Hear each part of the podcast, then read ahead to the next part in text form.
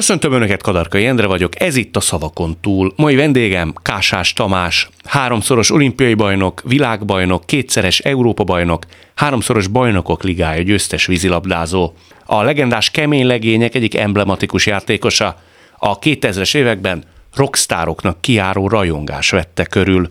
Ő az egyetlen pólós a világon, aki felnőtt és utánpótlás, válogatott és klubszinten minden létező címet megnyert – 2010-ben a FINA, vagyis a Nemzetközi Úszószövetség az évtized legjobb játékosának választotta. Átnyújtok egy papírt Kásás Tamásnak. Ezen a papíron kifejezések szerepelnek, valamennyi az ő életének meghatározó mondataira, történéseire, sztoriaira, szereplőire utalnak. Az én hittem és reményem szerint talányos fogalmakról beszélgetünk, tehát ő maga se biztos, hogy tudja, hogy pontosan mely kifejezés, mely történés a személyre vagy idézetre utal. Azok kedvéért, akik nem látnak, csak hallanak bennünket, felolvasnám, hogy Kásás Tamás mely kifejezések közül választhat. Partra szállás, világgá kiáltom, beszorulva, patika mérlegen, egyik nehezebb, mint a másik. Ki hitte volna? Remegő lábak, pokolból mennyország, fordulópont, csak az igazat. A profi, az profi. Legalább tudom. Ennyi is elég? Most mutasd meg. Kellett ez nekem? Direkt emlékeztető. Kötelmek. Szerencse fia. Mindig elmondom, de most különösen igaz, hogy megtévesztőek. Tehát ami egyértelműnek tűnik, közel nem biztos, hogy arra a történésre vagy mondatra utal. Sok minden múlik azért ezen a választáson. Nem, hidd el. azért tudom én úgy tekerni a beszélgetést. Azt, azt, azt gondolom. Szerencse fia. Szerencse fia. Az egy autóbalesetre utal, mert neked volt egy elég súlyos autóbaleseted, én ezt meglepve olvastam, ez a könyvedben szerepel, és az jutott eszembe, hogy te mire jutottál, hogy mire jut az ember egy ilyen sorsordító történés után. Ha nagyon drámai akarok lenni, úgy is kérdezhetném, hogy miért maradtam életbe.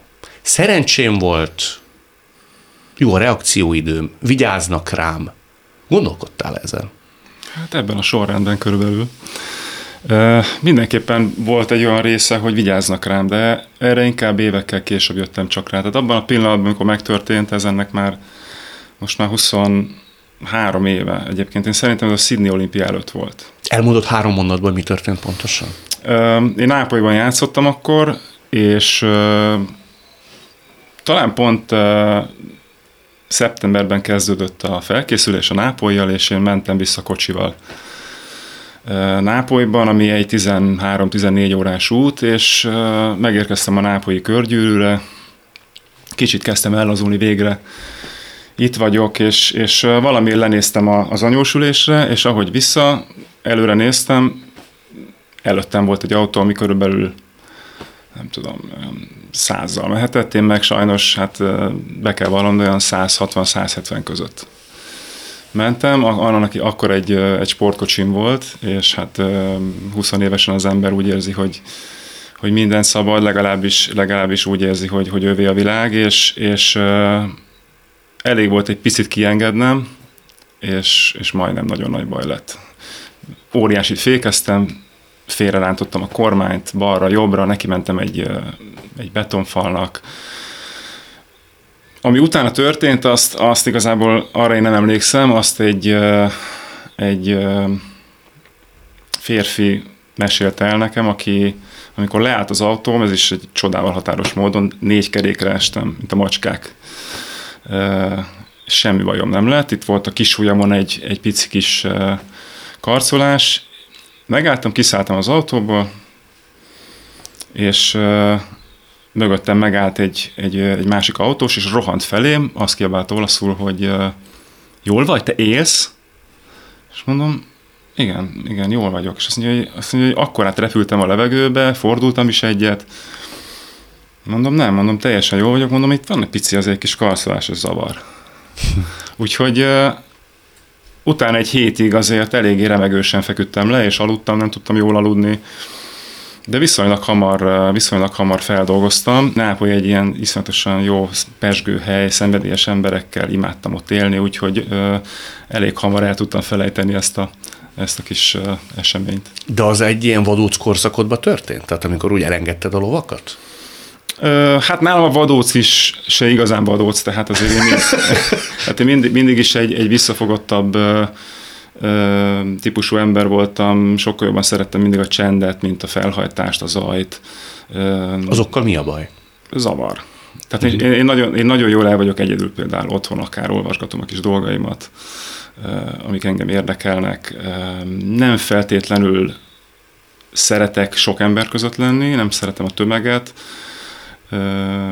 valahogy sokkal békésebben érzem magam egymagamban, vagy, vagy, vagy olyanok társaságában, akiket már jól ismerek. Ha akik... olyan társaságba kerülsz, ahol például még nem mozogsz könnyen, vagy komfortosan, zavarba is vagy? Tehát az vagy, aki hátralép? És... Abszolút, abszolút az vagyok.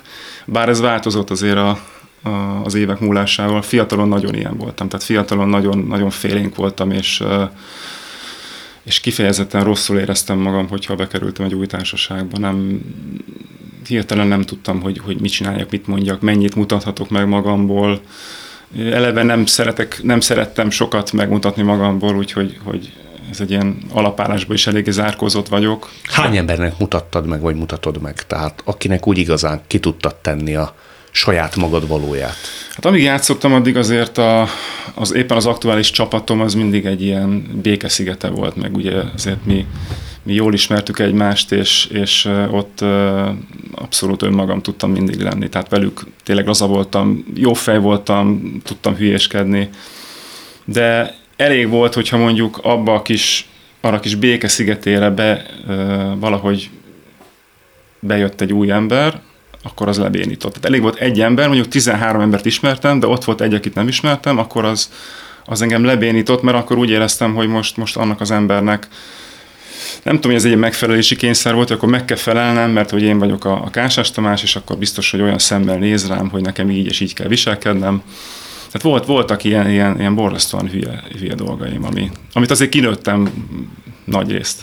A sikerek és a magabiztosság hozza azt, hogy az ember ilyentől aztán el tud köszönni? Tehát kilúgozódik a szervezetből, vagy a fejéből? Nem hiszem, hogy a sikerek, a sikerek szerintem engem nem, nem változtattak meg egyáltalán, emberileg abszolút nem változtattak meg, sőt inkább hát olyan téren inkább visszafogottabb lettem. Tehát hogy érted? Hát úgy értem, hogy, hogy nem, úgy gondolom, hogy a sikert sokkal nehezebb megemészteni, mint mondjuk egy kudarcot. Tehát én például egy kudarc után sokkal hülyen hangzik, kudarc után sokkal jobban szerettem nyilatkozni, mert akkor ott volt mit megmagyarázni. Egy sikertnél nincs mit megmagyarázni, ott megnyertük a meccset, jók voltunk, most az ember mit, mit tud beszélni arról, hogy, hogy megnyert egy, egy fontos meccset, egy olimpiát, nyilván azt, hogy hát beteljesült az álmom. De úgy, ugyanakkor, amikor ugye esetleg egy fájó vereség ér minket, akkor, akkor a, a, a mögött van valami, akkor le lehet menni a felszín alá, hogy, hogy ez miért történt, akkor ott lehet tanulni belőle. De te az a típus voltál, aki cipelted mindezeket már, mint hogyha rosszul játszottál, múlt rajtad valami? Azt nagyon sokáig. Igen, igen, igen. Nagyon sokáig valószínűleg tisztában voltam a, a képességeimmel, tisztában voltam azzal, hogy hogyha a legjobb önmagamat adom, akkor akkor az valószínűleg a csapatnak is nagyon jó, és akkor sokkal nagyobb százalékkal tudunk megnyerni egy meccset. És hogyha alul teljesítettem, akkor, akkor az a csalódás volt. Ez napokig kísért, vagy hetekig, és fölriad az ember, és eszébe jut? Ez a következő jó meccsig. Uh-huh. Tehát kellett egy következő jó meccs, ahol jól játszom, amikor megnyugszom, és azt mondom, hogy jó, akkor most uh, bebizonyítottam, hogy azért nem az vagyok, aki az előző meccsen játszott. Mert hogy az is megfordul az ember fejébe, hogy dacára annak, hogy a világ egyik, hanem a legjobb játékosának tartják. A legutolsó mérkőzés képes meghatározni a saját önképét, a teljesítmény szempontjából. Tehát azt hiszi magáról, mm. hogy hát lehet, hogy egy kutyaütő vagyok. Hát az, hogy kutyaütő vagyok, azt nem, de, de az a napi teljesítmény, az, az meghatározza a következő egy-két hetet, vagy a, mondom, amíg a következő meccs nem jön. Azt nem gondoltam soha magamról, hogy ezt az életben nem fogom tudni kiavítani, mert, mert azért bíztam a, bíztam a képességeimben, de de pont az, hogy alul teljesít valaki, aki, akiben nagyon sok van, úgy éreztem, hogy nagyon sok van bennem, az, az nem tudom, az engem kép, képes voltam, nem tudom, egy csomó éjszakán keresztül nem aludni, vagy, vagy, vagy rágódtam belül, és, és ez, ez, ez nem volt jó. Ezt meg is osztottad hozzád közel állókkal, vagy az a típus vagy, aki belül rágódik? Hát is is, nagyon sokat rágódom belül. és, és nem nagyon, soha nem, nem tudtam úgy igazán megosztani. Volt neked, hogy van bizalmasod? Olyan, akit éjfélkor is fölhívhatsz, és időnként föl is hívsz, hogyha baj van, vagy mondani valód van? Jó kérdés. Bizonyos dolgokat elmondok nyilván, például most, most a, a barátnőmmel nagyon sok mindent meg, megosztok és meg tudok osztani. A, a szüleimmel is, de nem mindent. Tehát, hát például ezt a balesetet ők évekkel később tudták meg. Ezt a balesetet évekkel később tudták meg, mert nem akartam, hogy idegeskedjenek, vagy hogy nem tudom. Ők is belegondoljanak abba a lehetőségbe, hogy, hogy esetleg ennek rosszabb kimenetelés lehetett volna. Um, nagyon nehezen, nagyon nehezen nyílok meg, és, és, és nagyon sokszor úgy érzem, hogy, hogy ez mind csak rám tartozik, és majd én megoldom megoldom valahogy. Hogy egyedül kell megoldanod. Hogy egyedül kell megoldanom. Igen. De amikor például elmentél pszichológushoz, egyszer elmentél már, hogy a csapaton belül is mondták, hogy most már jó lenne, hogyha minden játékos meglátogatná. Azt hittem, hogy jó lenne, hogyha Tamás elmenni. én nem így tudom, én tudom, hogy, ilyen is. hogy azt mondták, hogy most már te is látogass meg, és legalább egyszer beszélj a csapat pszichológusával. Neked az egy nagy megerős, megerősítés volt. Emlékeim szerint erről te nyilatkoztál. Amikor az ember ilyen nehezen mond ki dolgokat, vagy nehezen talál magának egy olyan csatornát, ahol ezt elmondhatná, akkor az nem feszíti belül? De. De nagyon feszít, és, és ilyenkor ebben segített nagyon sokat a vízilabda és a, a napi edzések, az, hogy, hogy ezt, ezt a feszültséget, ezt, ezt mindig le tudtam vezetni, tehát ezt minden nap, napi kétszer le tudtam vezetni. És hogy mindig volt egy újabb bizonyítási lehetőség, amikor, amikor megmutathattam, hogy, hogy az vagyok, aki. Tehát nem kellett azért éveket soha várni egy, mondjuk egy csalódás után, egy, egy, egy rosszabb meccs után, hanem azért mindig ott volt egy, egy következő cél, ahol, ahol um, tündökölni tudtam, vagy legalábbis be tudtam bizonyítani, hogy, hogy jó vagyok. Nem, nem is a külvilágnak, hanem úgy magamnak, hogy, hogy igenis te vagy a, a, a, a kása, aki tud jól játszani, hogyha akar. Válasszunk kérlek egy másik kifejezés. Profi az profi? Hát az egy nagyon jó és egy izgalmas téma. Azt mondtad, hogy például, ha volt magánéleti zűröd, vagy például egy lány miatt, ez nagyon meg tudta határozni a te aktuális teljesítményedet. Szó szerint azt írod, hogy ha láttál például a nézőtéren, nyilván ebbe azért jóként, jó, jó rész tréfa volt, amit említettél, de akkor megtáltosodtál. Tehát akkor a csaj előtt te nagyon jól játszottál. De ha volt egy magánéleti zűröd, akkor nagyon rosszul. És az jutott eszembe, hogy egy profi, és azért adtam ezt a kifejezést, hogy a profi az profi, hogy nem úgy van, hogy ezt ki tudja az ember zárni, mindig és mindenkor? De. Nem mindig sikerül. Senki, senki nem mondta, hogy profi voltam teljes mértékben. Ez volt szerintem egyébként a, az egyik gyenge, gyengeségem, vagy gyenge oldalam, hogy, hogy nem mindig tudtam kizárni a külső tényezőket, lelki tényezőket, sikerült sokszor, tehát nem azt mondom, hogy, hogy, hogy mindig kudarcot vallottam ilyen szituációkban, de, de nagyon sokszor abszolút látszott a játékomon, hogy, hogy valami baj van velem. Látszott, az azt jelenti, hogy nem csak a csapattársak, hanem én is észrevehettem, aki a tévé előtt ültem, és úgy láttalak játszani? Tehát a külső szem is észrevette? Ö, ez is jó kérdés, mert, mert ez inkább a hétköznapokban az edzéseken nyilvánult meg az, hogy, hogy valami nem stimmel, valami nincs rendben a, a, a kásával, tudom, nincs jó kedve, nem tudom, föl kéne pofozni, mert valaminek történnie kell. De azért az, az ha már a profinál tartunk, annyira talán mindig voltam profi, hogy a meccsre azért annyira össze tudtam magamat szedni, hogy, hogy akkor tényleg csak arra fókuszáltam. De ahogy vége volt, visszatért az a létállapot, amilyen zavaros? Hát ahogy vége volt, mondjuk jött egy SMS, és akkor ezt nem hiszem el. És akkor megint nem tudom, megint a vagy a fiúkra támaszkodhattam, vagy, vagy, vagy örlöttem magamban, és, és vártam a következő meccset. Ilyet például megosztottál a fiúkkal? Mondtad, hogy azért kevés bizalmasod volt. De ha volt szírzűröd, uh-huh. akkor azt elmondtad egyik-másik játékosnak? Hát nagyjából ez egyébként én nagyon komolyabb hasonló eset, ez mondjuk Sydney előtt volt. Később azért nem volt olyan, nem tudom, azért nem voltak nekem minden, minden évben ilyen szívfájdal, szívfájdalmaim, azért, azért tök jó éveim is voltak, hanem, hanem volt tényleg egy olyan periódus, amikor, amikor nem, nem igazán voltam jól, jó lelkileg, és akkor a fiúk uh, tudtak róla, mert azért uh, ott, ott nem maradhatott semmi úgymond titok. Azért egymás között nagyon sok mindenről tudtunk beszélni. És uh, ők rendesek voltak, próbáltak uh, segíteni vízben is, meccsen is próbáltak kiszolgálni, hogy esetleg egy, egy, egy szép gól, vagy nem tudom, gólok esetleg átlendítenek a, a holdponton, úgyhogy rájuk azért mindig számíthattam. Ha már ezt a Sydney-t említed, nem kell konkrétumokba belemenni, ott te nagyon szerelmes voltál, és azon gondolkodtam, és az egy ilyen bonyolult viszony volt, a könyvből legalábbis M. Kis Csaba által írt könyvből ez derül ki, hogy te azt mondtad, és ezen elgondolkodtam, hogy ott akkor nagyon legalábbis az olimpiáig neked nem ment. Többek közt emiatt árnyéka voltál magadnak. És azon gondolkodtam, hogy milyen az élet. Ott vagy életed egyik, hanem legnagyobb lehetőség előtt, mert hogy az volt az első olimpiai aranyérmetek. Beüt egy ilyen furcsa szerelmi viszony. Ez hogy lehet feloldani, hogy miért akkor jön, miért nem egy évvel később? Ezen gondolkodtál? Hogy azon elmehetett volna sok minden, ha te ott nem kapod össze magad. Nem gondolkodtam egyébként rajta, és hát ha vesszük ezt, és plusz még a balesetet is, akkor ott a Sydney olimpiát volt pár történés, ami esetleg nagyon más felé vihetett Nagyon volna. más felé vihette volna, hát akár a csapatnak is a, az Igen. útját. Nem, ezen, ezen nem, nem gondolkodtam.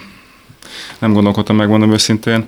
De az nagy próbatétel volt. Nagy próbatétel volt, de ugyanakkor ezért is vagyunk csapat, és ezért volt ez egy nagyon jó csapat, mert, mert azért nem én egy személyben vittem a hátamon őket, hanem, hanem ez abszolút egy, egy, egy igazi csapatjáték volt, és rengeteg, rengeteg világklasszissal, és rengeteg jó játékossal, úgyhogy még ez is belefért, hogy én nem voltam lelkileg százszázalékos, ez, ez azt hiszem, hogy a csapatnak az erejét mutatja. És azt mondtad, hogy Dénes, amit kemény Dénes, remek pszichológusnak bizonyult. Külön leült veled és beszélgettetek megint csak nem kell a konkrét történetet elmesélni, de mit tud mondani egy edző? Hogy tud rád ilyen értelembe hatni, ami nem az ő munkaköre feltétlen, hisz az, hogy az egyik játékosa épp most nem a legjobb lelki állapotban van, ezt ő hogy tudja feloldani kapitányként?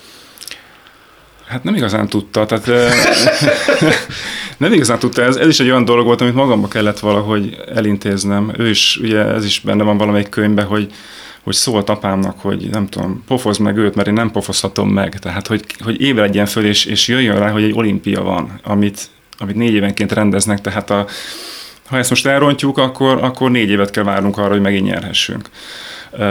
De mondom, volt bennem azért annyi profizmus, vagy annyira, vagy nyilván imádtam a játékot, és azért az is bennem volt, hogy, akkor még nem volt olimpia aranyérmünk. Tehát ez volt ugye a minden sportolónak az álma, hogy olimpia aranyat nyerjen.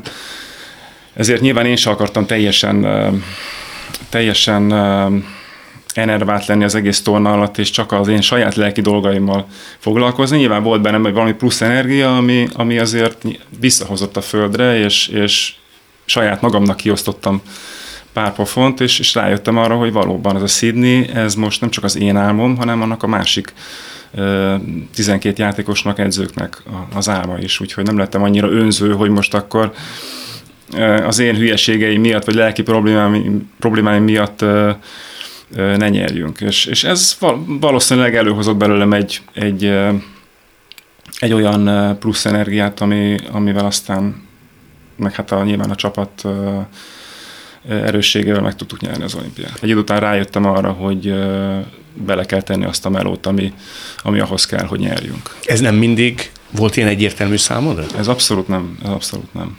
Tehát én, én nyilván mindig éreztem azt, hogy van, hogy különös képességeim vannak olyan szempontból, hogy minden olyan könnyen ment a vízben. Ezt, ezt gyerekkorom óta éreztem magamon, mindig láttam a, az épp aktuális uh, csapattársaimmal, hogy vannak dolgok, amiket ők nem tudnak megcsinálni, amiket én meg tudok csinálni. Vagy meg tudnak csinálni, csak sokkal nehezebben, sokkal tovább gyakorolják, nekem meg valahogy egyből megy.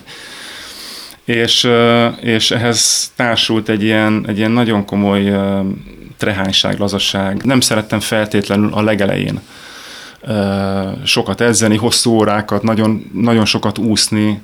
Úgy gondoltam, hogy nekem fele annyi úszással is képes vagyok jó teljesítmény nyújtani. Meg tudod, mikor koppinthatott az élet az orrodra? Amikor többek közt ezen szerelmi bánat miatt, vagy nem tudom, hogy emiatt, de amikor nem voltál feltétlen csúcsformában, elküldött a klubod.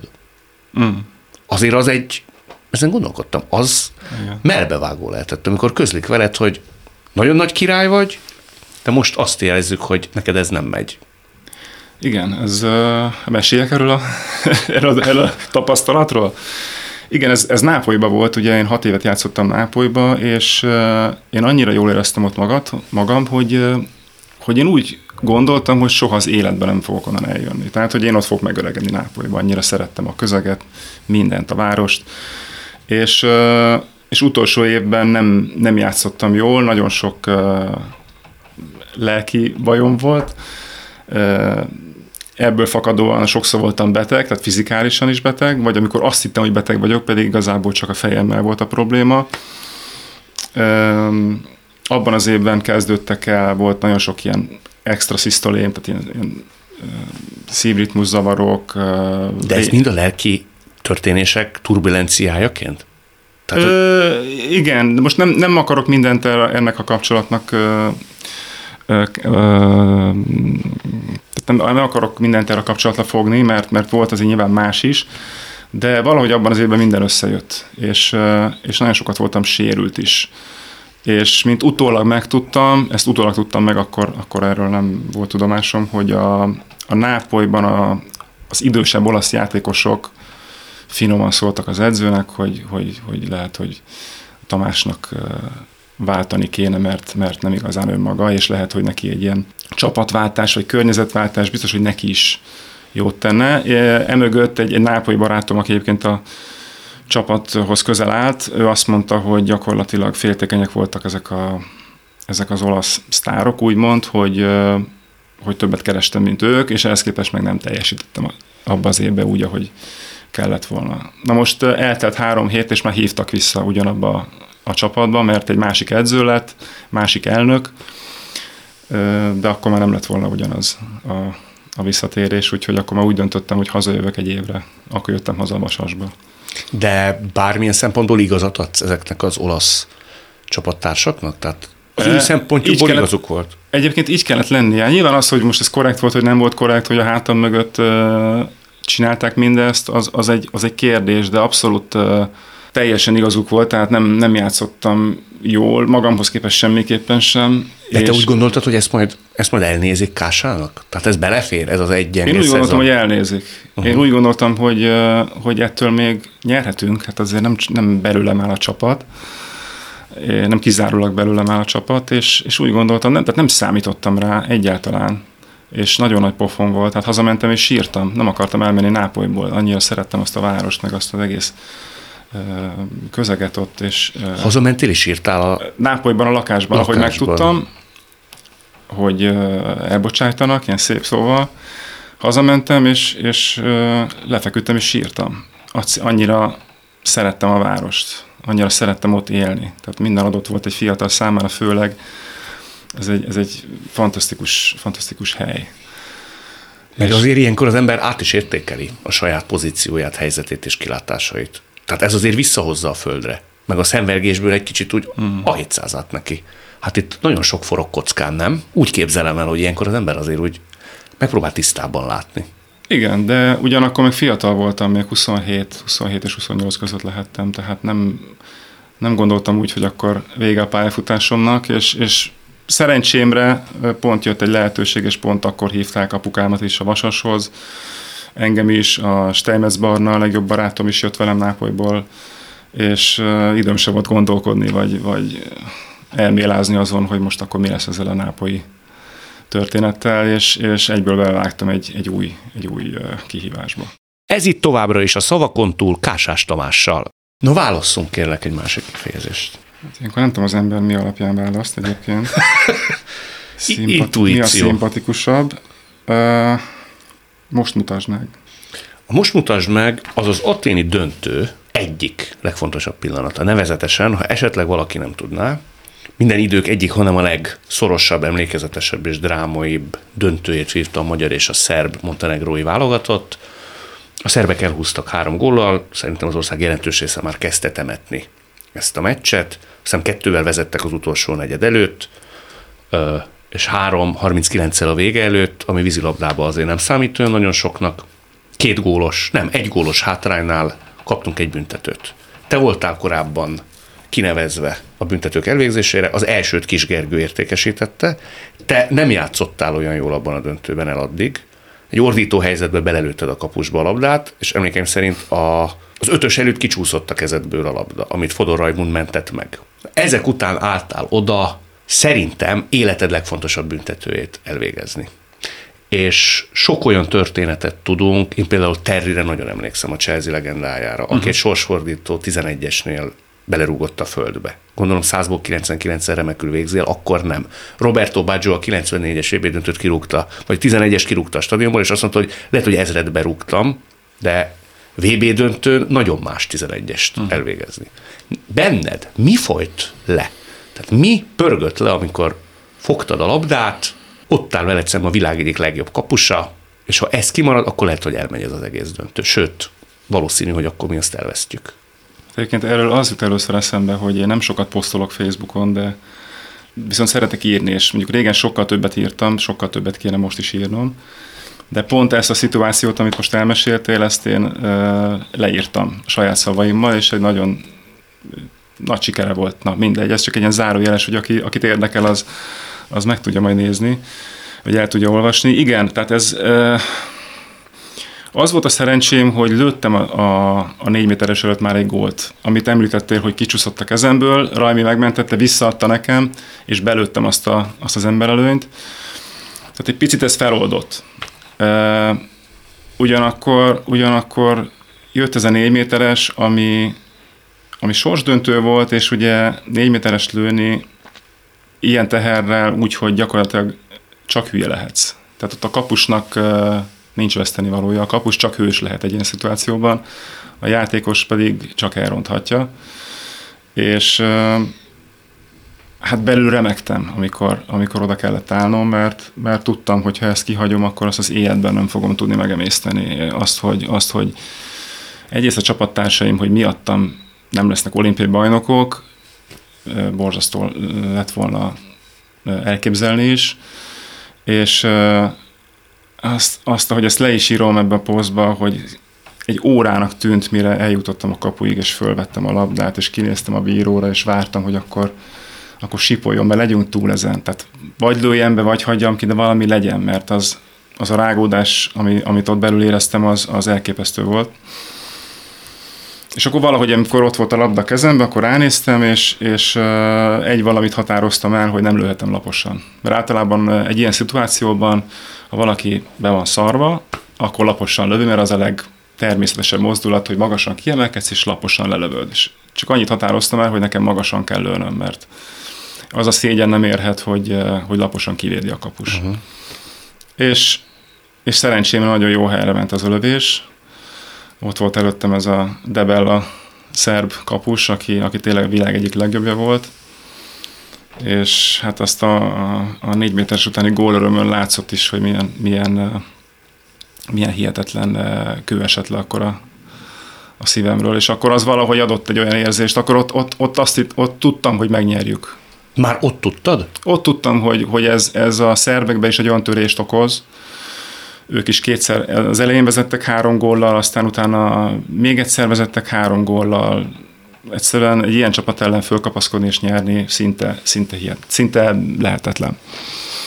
És, és, és láttam rajtuk azt a, valahogy a szemükbe azt a, azt, azt a csalódást, vagy ilyen tanástalanságot, hogy most se fogjuk megverni őket. Így lett 7-7. És így lett 7-7, és mondom, utána, utána valahogy ettől olyan annyira, annyira föl, fölspanulódtunk, hogy, hogy, hogy nem volt visszaút. Mennyi lehet ilyenkor a pulzus számod? Mikor van hátra négy másodperc, és el kell végezned életed legfontosabb büntetőjét? Nem tudom, nekem mindig azt mondták a fiúk, hogy nekem borzasztóan alacsony, mert mindig ilyen, csak úgy voltam, és, és nem, soha nem idegeskedtem. Hát nem tudom, szerintem olyan, olyan, ha azt veszük, hogy akkor már a hátam mögött volt mondjuk három és fél negyednyi olimpiai döntő, ami elég sok energiát kivesz az emberből, akkor, akkor ilyen 150-160-os biztos volt. Az igen. Az biztos volt. Utána, amikor, a, amikor belőttem, akkor picit úgy visszaesett százra. Kicsit nyugi volt. De ez az a fajta helyzet, amit úgy hívnak, azt hiszem, az amerikaiak, hogy ez a money time. Tehát amikor az áll oda... Clutch. Uh-huh. eldöntöttük, hogy a Gergő lövi az elsőt, és hogyha lesz még egy négy méteres, akkor már akkor én jövök. Tehát igazából nem is uh, uh, meg se fordult a fejembe, hogy Geri lőd, már létszeműen ezt nem. Tehát, hogy ezt én ezt nem, nem fogom elvállalni. Tehát ez, ez nekem muszáj volt, meg hát azért hogy néztem volna este a tükörbe, hogyha ha nem vállaltam volna el egy ilyen büntetőt. Valaha gondoltál-e arra, hogy hogy alakul az életed, ha azt kivédi? Szapics. Nem. Vagy Sefik, ugye a kapus, bocsánat. Sefik, Sefik, Sefik volt, igen. igen. Nem. Tehát nem, ez... nem gondoltam rá, nem. Nem, nem gondoltam rá. Nyilván egy pillanatig az embernek megfordul a fejébe, meg, meg tudja utána, hogy, hogy, hogy mennyire sorsdöntő volt ez a büntető, de nem, mindig volt egy következő cél, ami lehetett, ami lehetett gondolkodni. Ott tényleg az volt bennünk, hogy bármi áron. Úgy pezsegett a víz ember hátrányba, hogy még soha szerintem egy vízilabda meccsen. Ha ez megvolt, és megvolt, akkor Londonban mindezt miért nem lehetett szerinted előállítani? Mert például a könyvben nagyon nagy terjedelmet biztosítotok annak, hogy azért Londontól, mm. noha éreztétek belül, hogy ez már nem az a csapat, ami volt mondjuk Atén előtt, de hogy még megnyerhetitek. Tehát ez a fajta hit, tűz, erő hiányzott? Abszolút hiányzott, persze. Hiányzott a, a harapás, hiányzott az égség, ami valahol egy törvényszerű dolog, hiszen nem, nem csak, hogy három olimpiai arany után utaztunk el Londonba, hanem, hanem azért a, a csapatnak a gerince már 35-36 éves volt, ami úgy kifele ment, és ezzel egy időben nagyon jöttek fel a szerbek, akik egy nagyon, nagyon jó fiatal csapat volt, olaszok, horvátok, akik viszont haraptak. Úgy haraptak, mint a annó mi Sydneyben. És, és egyébként én valahol a, a, a felkészülés alatt is már éreztem, hogy ez nem ugyanaz. Még akkor is, hogyha szerettünk volna nyerni, de, de valahol nem, nem éreztem bennünk azt a pluszt, hogy, hogy ez meg lehet, és ez, ez úgy gondolom, hogy egy, egy, egy törvényszerű ötödik hely volt, ami, ami nem is volt igazán csalódás, mert, mert valahol nagyon benne volt a pakliba. Hát addig, Szerintem. tehát Peking és London között, tehát a két olimpia között pusztán egy érmet sikerült a csapatnak Igen. összehozni, azt is Eindhovenbe pár hónappal korábban egy egészen drámai bronzmeccsen. Az is azt mondom, hogy nagyon szoros volt. Igen. Én, én azt hiszem, hogy utólag a, valószínűleg már korábban frissíteni kellett volna. Lehet, hogy pár játékosnak köztük nekem sem kellett volna ott lennem. Én ugye a Peking és londoni időszak között nem voltam válogatott, voltam, mindig a Dénesnek mondtam, hogy én ezt most nem, nem bírom, pihennem kell, idős vagyok, nem tudom, Rekóban, ahol játszottam annó, utolsó éveimben nagyon-nagyon sokat edzettünk, egy munkamániás edző volt, és és az rengeteget kivett belőlem, és Peking, vagy London előtt kihagytam két évet. És London előtt közvetlenül jelentkeztem a Dénesnél, hogy akkor érzem magamba hmm. a motivációt. Ugyanakkor valószínűleg ez egy picit ilyen hiúsági kérdés is volt, hogy... Meg lesz a negyedik olimpiai. Hogy nehogy már a többiek négyszeresek legyenek, és én meg nem. És, és ebbe volt egy, egy elég nagy, uh, nagy hiúság. Tehát... Uh, Ma már nemet mondanál? Nem tudom, hogy, hogy ma nemet mondanék -e. Hát az akkori fejemben nem, nem mondhattam nemet, mert ott szerettem volna lenni. Uh-huh. Szerettem volna öt olimpián részt venni. Nem akartam, hogy bárki más öt olimpián részt vegyen, és én meg csak négyen. Tehát nem akartam, akkor valahogy még jobban dolgozott bennem ez az ego. Ma már nem? Dolog. Ma már nem, ma már nem. Az hogy lehet elnyomni? Hogy lecsendesíteni? Nem tudom, az ember, ember valahogy egyszerűen ez egy érettségi folyamat szerintem. Az ember egy idő után átértékel egy csomó mindent, a sikereket is, azt, hogy mi a fontos az életbe, és manapság már az se igazán zavarna, hogyha azt mondanák, hogy a Kása, hát soha nem volt a világ egyik legjobb játékosa.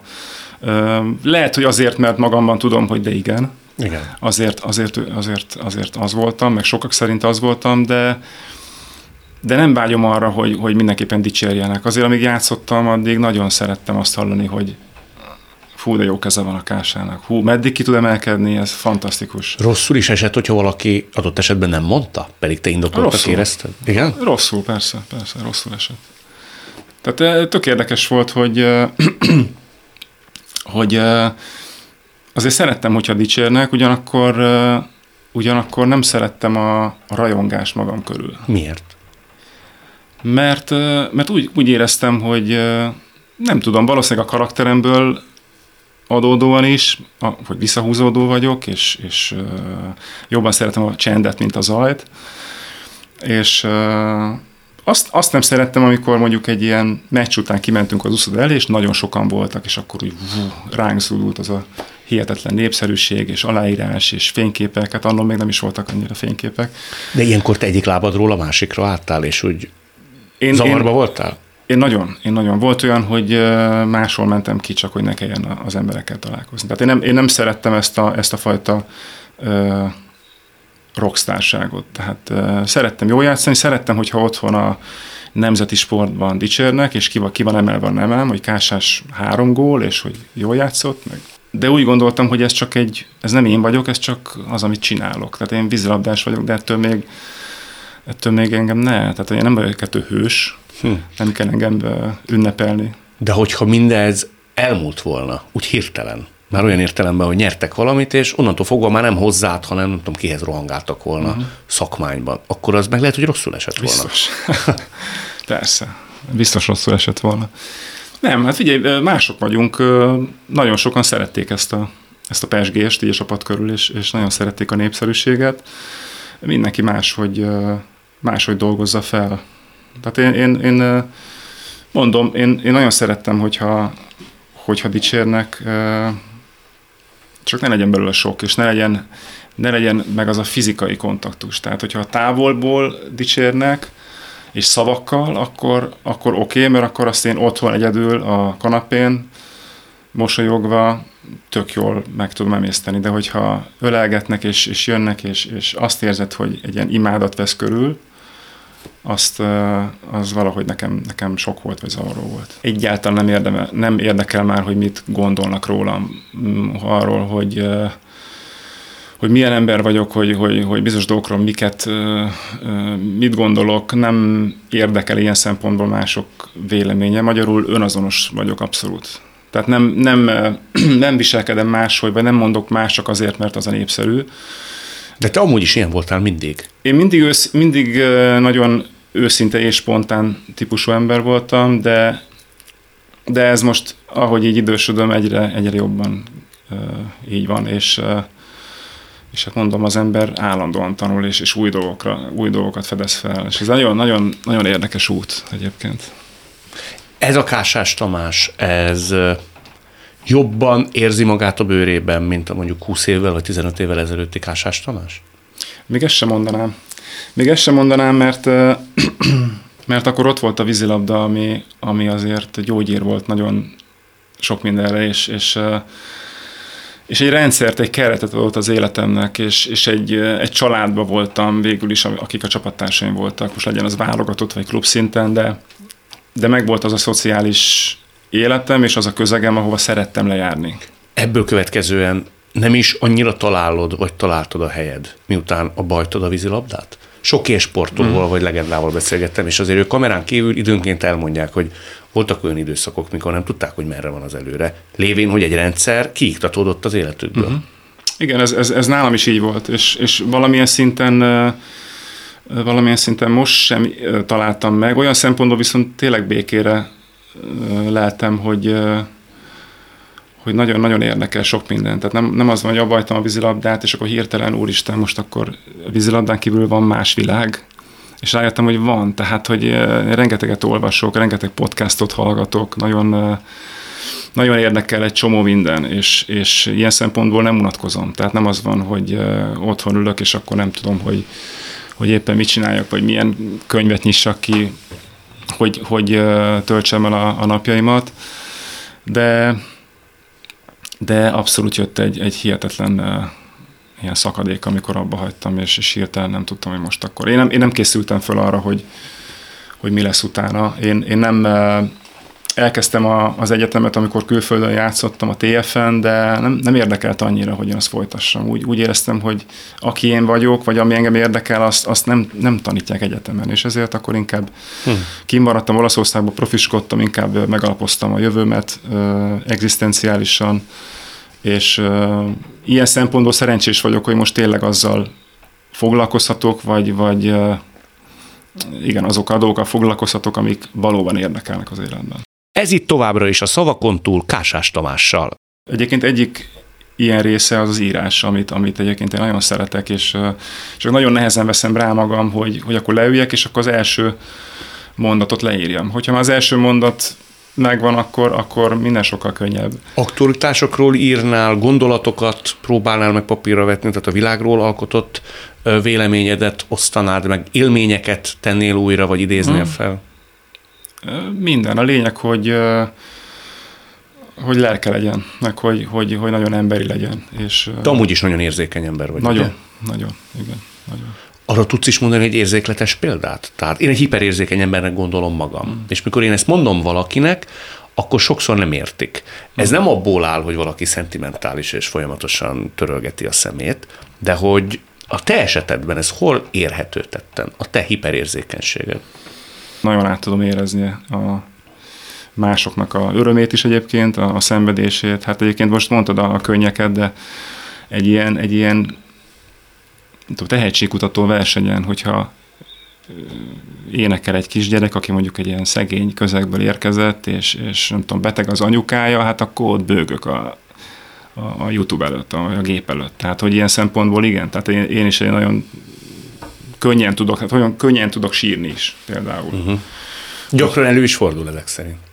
Most mi a gyakran, nem sírok nap, mint nap, de, de mondom, hogy bármilyen érzelmes pillanatot, ha látok, akár egy film közben, vagy még olyan is volt, hogy egy, egy könyv olvasása közben, akkor, akkor igen, akkor az nagyon meg tudhatni. De úgyhogy mindezt a barátnőt például végignézi, vagy arra azért figyelsz, hogy... Ismer, ő tudja, valószínűleg ezt is szereti bennem, hogy, hogy, hogy, hogy képes vagyok megmutatni az érzéseimet, tehát nem szégyelem azt, hogyha esetleg valami meghatódom, vagy esetleg könnyeket is ejtek. Úgyhogy... Azért ez régen nem így volt. Én amikor úgy ö, néztelek titeket élőben, vagy, vagy, vagy a televízióban, nem sok érzelem mutatkozott meg a te arcodon. Hát a vízben nem. A vízben abszolút póker arcom volt valamiért. Tehát ott, ott nem lehetett leolvasni az arcomról, hogy most bocsánat, éppen örülök, vagy, vagy éppen mi az eredmény, tehát ott éppen vezethettünk tízzel, vagy éppen az ellentél vezethetett mondjuk négyel vagy öttel, nekem az arcom az ugyanolyan volt. Ez tudatos volt? Nem.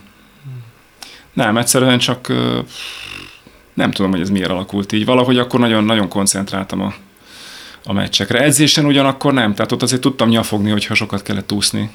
Kinek nyafogtál? Akkor az, hát Mindenkinek? A világnak. A világnak. Hát csak, hogy mindenki lássa, hogy ennyit, ennyit felesleges úszni. ennyit felesleges edzeni akkor, akkor tehát valahogy mindig, ami, ami a lelkemen volt, a lelkemben volt, az, az abszolút kiült a, az arcomra, kivéve a meccseken, ott azért nagyon tudtam koncentrálni szerintem. Anyukám mindig fölvette a meccseinket, visszatekertem, megnéztem nyilván csak a saját góljaimat.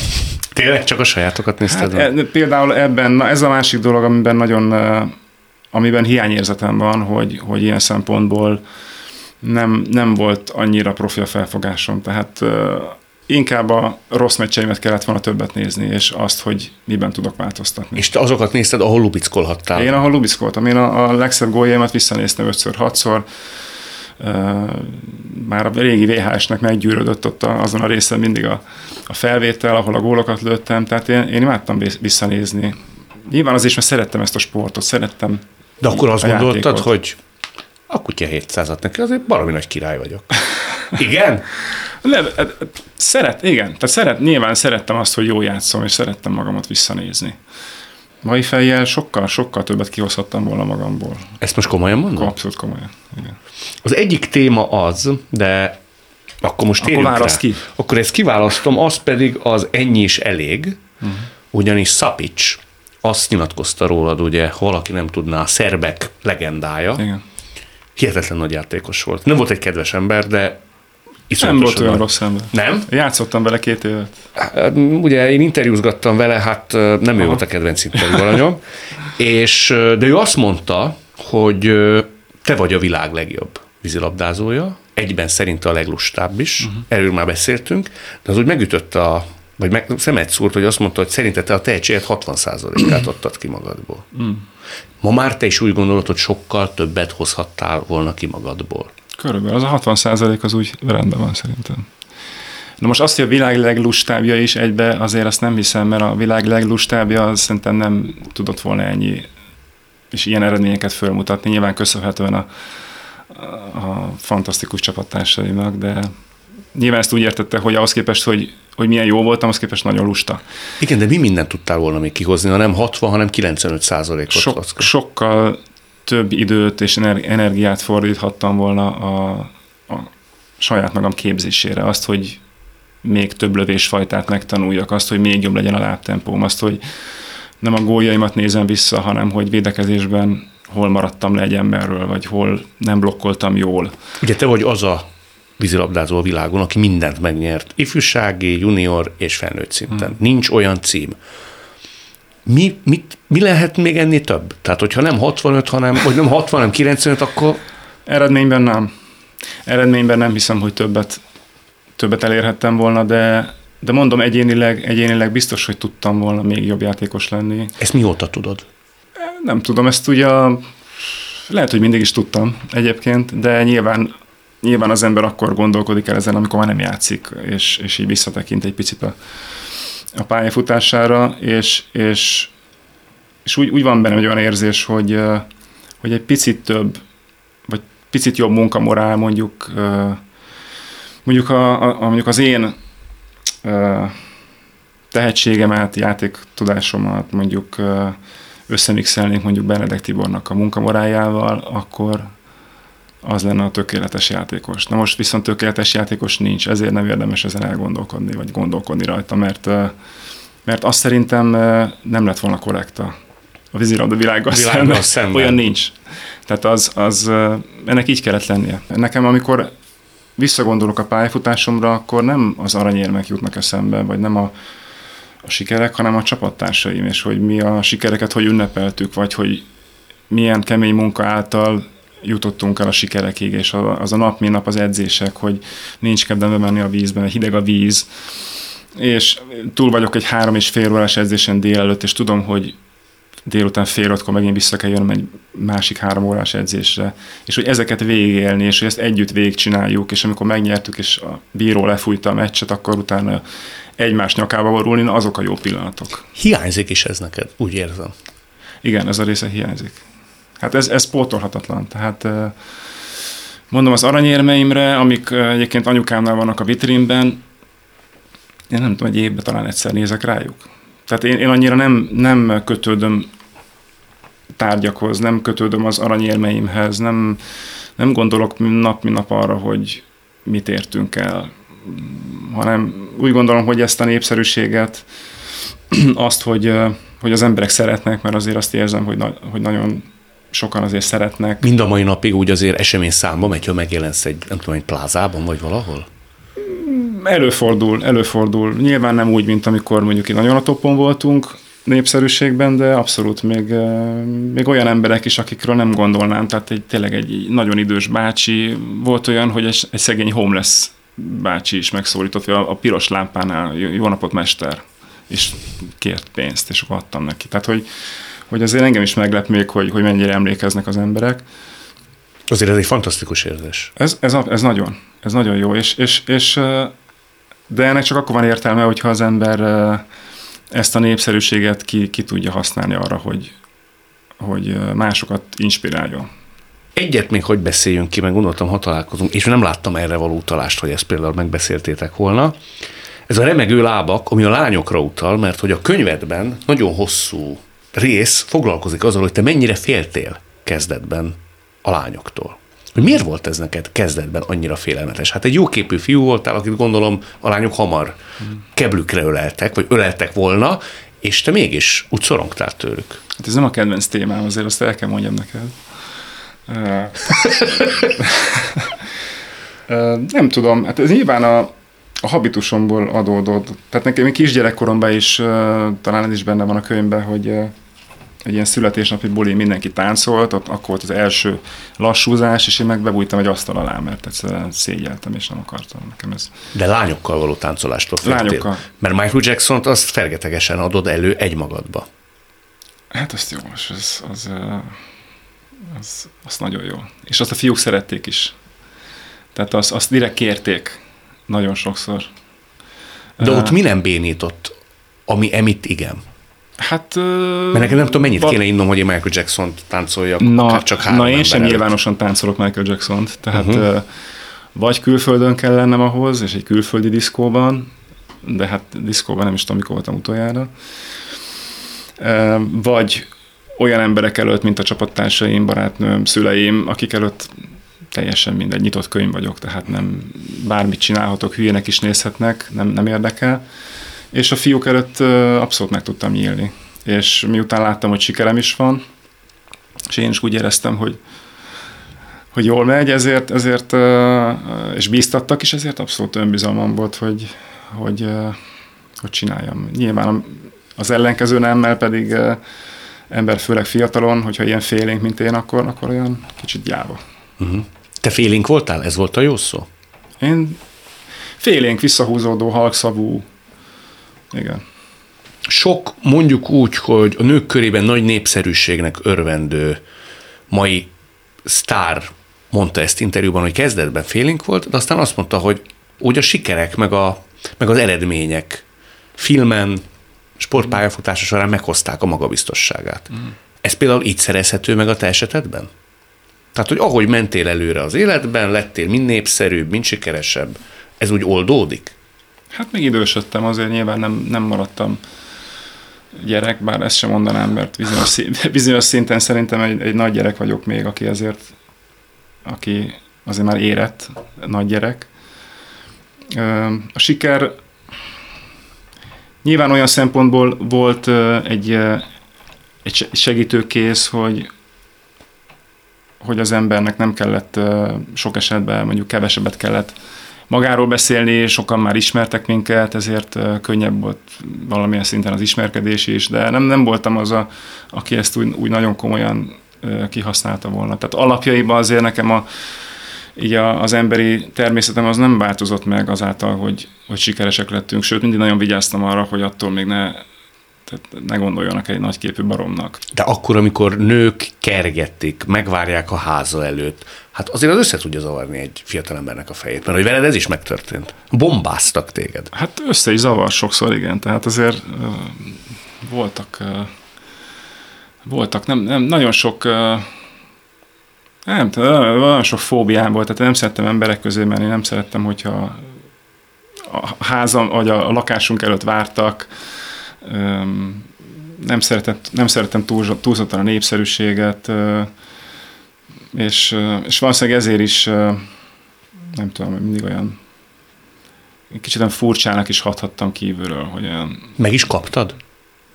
Tehát, hogy ezt visszahallottad? Hát, hát igen, igen, hogy olyan, olyan aranyos, olyan furi, vagy nem tudom, olyan mi baja van, vagy, vagy miért, miért nem örül, vagy nem tudom, mert valószínűleg mindig is egy kicsit ilyen gondolkodó voltam, és és igen. De hát mindig, mindig arra, arra próbáltam koncentrálni, hogy a, a, a játékom beszéljen helyettem, hm. helyettem is. Miközben te is milyen jól beszélsz. Régen nagyon nem szerettél mm. interjút adni, és ahogy így most készültem erre az interjúba, úgy, úgy egyre mm. többször látom azt rajtad, hogy úgy kedved szerint van ez is, nem? Hát köszönöm, de azért szerintem még van mit fejlődöm ebben is. Mert Miben látod? Szerintem még mindig jobban írok, mint beszélek. Hát akkor egyszer ki kell adni ezt a... Hát már kiadtam. Még kevésszer. Még kevésszer. Úgy értem, hogy összegyűjtve. Ja, összegyűjtve. Ez is egy, ez is egy, egy cél, úgymond. Tehát csak hát azért ezt is halogatjuk még egy picit. Hát akkor azt kívánom, hogy előbb-utóbb érj el oda, hogy ne halogasd, mert így most, hogy beleolvastam egy-két írásodba, szerintem lenne azért ennek olvasóközönsége. Meg mondani való gondolat van gazdagon. köszönöm szépen akkor. Én köszönöm, hogy itt voltál. Köszönöm. Ez volt a mai Szavakon túl Kásás Tamással. A műsort nem csak hallgathatják, de végig is nézhetik. Iménti beszélgetésünk hamarosan már látható lesz YouTube csatornámon is. A mai adás létrejöttében köszönöm Árva Brigitta, Lantos Dániel és Rózsa Egyi Gábor segítségét. Találkozzunk jövő szombaton és vasárnap itt, a Klubrádióban. Viszont hallásra!